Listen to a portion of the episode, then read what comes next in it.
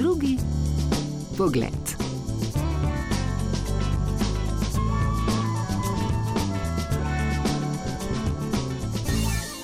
Hi，大家好，我的名字叫李光华，我台北出生，在台湾啊、呃长大啊、呃然后后面移民到加拿大，我七岁的时候移民到加拿大。And now in English. Hi, my name is Chris Lee. I was born in Taipei, Taiwan, and I moved to Canada when I was seven years old. Najprej v mandarinščini, nato v angleščini. Tako se nam je predstavil Kris Lee, ki prihaja iz Kanade. Ko to pove komu v Sloveniji, ga ta običajno najprej začudeno pogleda, saj je na prvi pogled jasno, da ima Kris azijske prednike. What happens is in Vancouver, where I'm uh, from, when I grew up, about 50% of the people there are actually not native English nor French speakers. They are visible minorities. V Vancouvru, odkuder prihajam, ni na to pozoren prav nihče, saj gre za izjemno raznoliko družbo.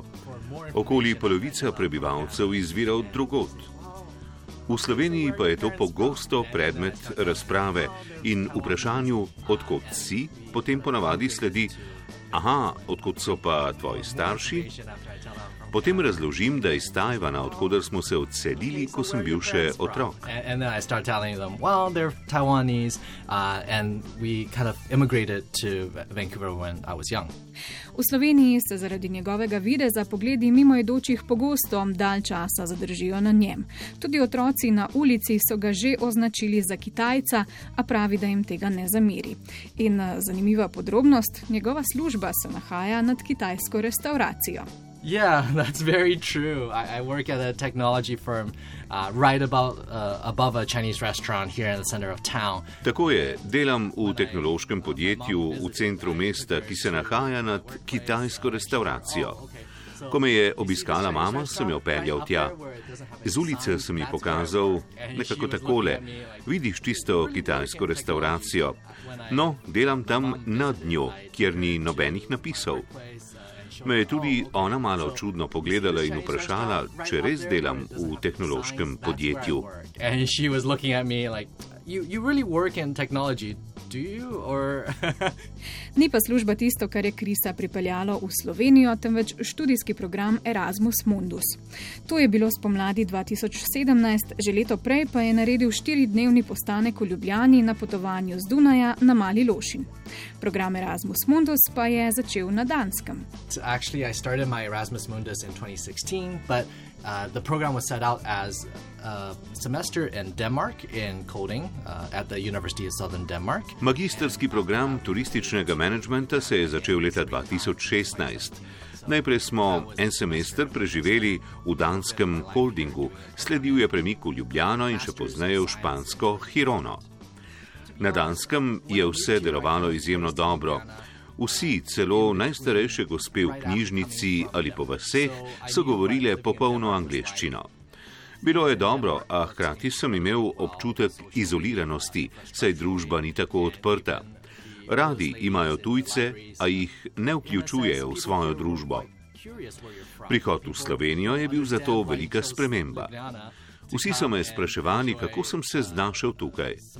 Zakaj pri vsem, kar je na voljo, ravno Slovenija? So for somebody to come from so far away outside of uh, the European Union is a, curiosity for them. And that was a wonderful change. Enemu semestru v Ljubljani je sledil študij v Španiji, na to pa se je sogovornik lahko sam odločil, kje želi pisati magistrsko nalogo. Izbral je Slovenijo, saj pravi, da je ravno nekje na sredini med Dansko in Španijo, tako lokacijsko kot miselno. Drugi pogled. Krisa Lija v Sloveniji na rojstno državo spominja pogosta raba copat v domovih, na Kanado pa ljubezen do pohodništva. Absolutely. I, I like to hike, and I thought we were fanatic about it in Vancouver because Kanačani radi hodimo v gore. V Vancouvru sem mislil, da smo kar malo fanatični. Tu pa sem spoznal, da je vse skupaj lahko še bolj ekstremno. Ne vem, ali ljudje v gore radi hodijo zato, ker so mesta tako majhna in vsi poznajo vse, gore pa so nekakšen pobeg od tega. Ko je sončno, si vsi vzamejo čas, da gredo ven. Tudi sam grem rad v hribe in na ta način sem spoznal veliko novih ljudi.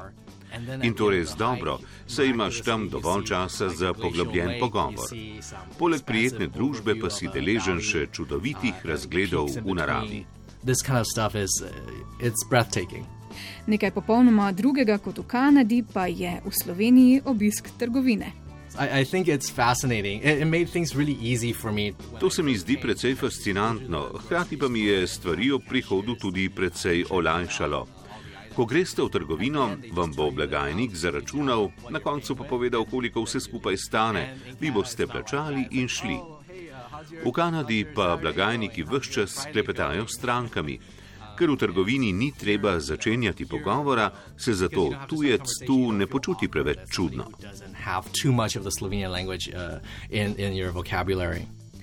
Kris pravi, da smo slovenci zelo prijazni. Vedno se najde nekdo, ki mu priskoči na pomoč, ko je treba. Kljub temu, da precej jasno znamo reči tudi ne. Slovenci so much more direct uh, people uh, than we are used to back in Canada or in Taiwan. Slovenci ste veliko bolj neposredni, kot sem navajen iz Kanade ali iz Tajvana. Če bi vse tri narode razvrstil na lestvici od najbolj uljudnih do najbolj neposrednih, so najbolj uljudni zagotovo Tajvanci. Če jih nekdo povabi na zabavo, pa ne želijo priti, rečejo, da bodo na koledarju preverili, ali so prosti.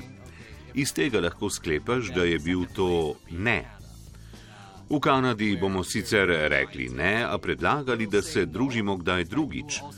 Tu pa dobiš jasen odgovor: ne, takrat sem zaseden.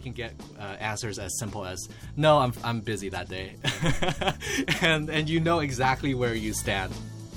Sogovornik pravi, da je precej neje uslišal, ko je iskal službo. Ponavadi je bila težava to, da ne govori slovensko, kljub temu, da se je naprimer ponujal tudi za prostovoljno delo turističnega vodnika, govori pa tako angliško kot francosko in mandarinsko. Je pa hkrati v Sloveniji dobil tudi veliko priložnosti, ki jih drugje morda ne bi. Tako je nekaj časa med študijem po Ljubljanici vozil rečno ladjo. If I think about it, back home in Canada, nobody would let me get near a boat. you have to have these. Uh... Mislim, da mi doma v Kanadi ne bi pustili niti blizu ladje brez opravljenih izpitov in vsega, kar sodi zraven. Moraš imeti res vse certifikate, varnostne izpite. Tudi tu moraš upraviti določene izpite, a je vse nekako bolj ohlapno da sem lahko vozil gor in dol po Ljubljanici, ter da je na eni od vožen do mene prišel nemški turist in me vprašal, kje je kapitan, oziroma če sem prepričan, da sem to jaz. No, to se lahko zgodi le tukaj. Če si odprt za priložnosti, lahko v Sloveniji res zasiješ, kljub majhnemu trgu in manjši ponudbi služb. Smaller job opportunities, but if you can really find the people who have faith in you, you can really try and make a life for yourself. Ladjo je sogovornik pri nas torej že vozil, še vedno pa ne sme sesti za volan avta.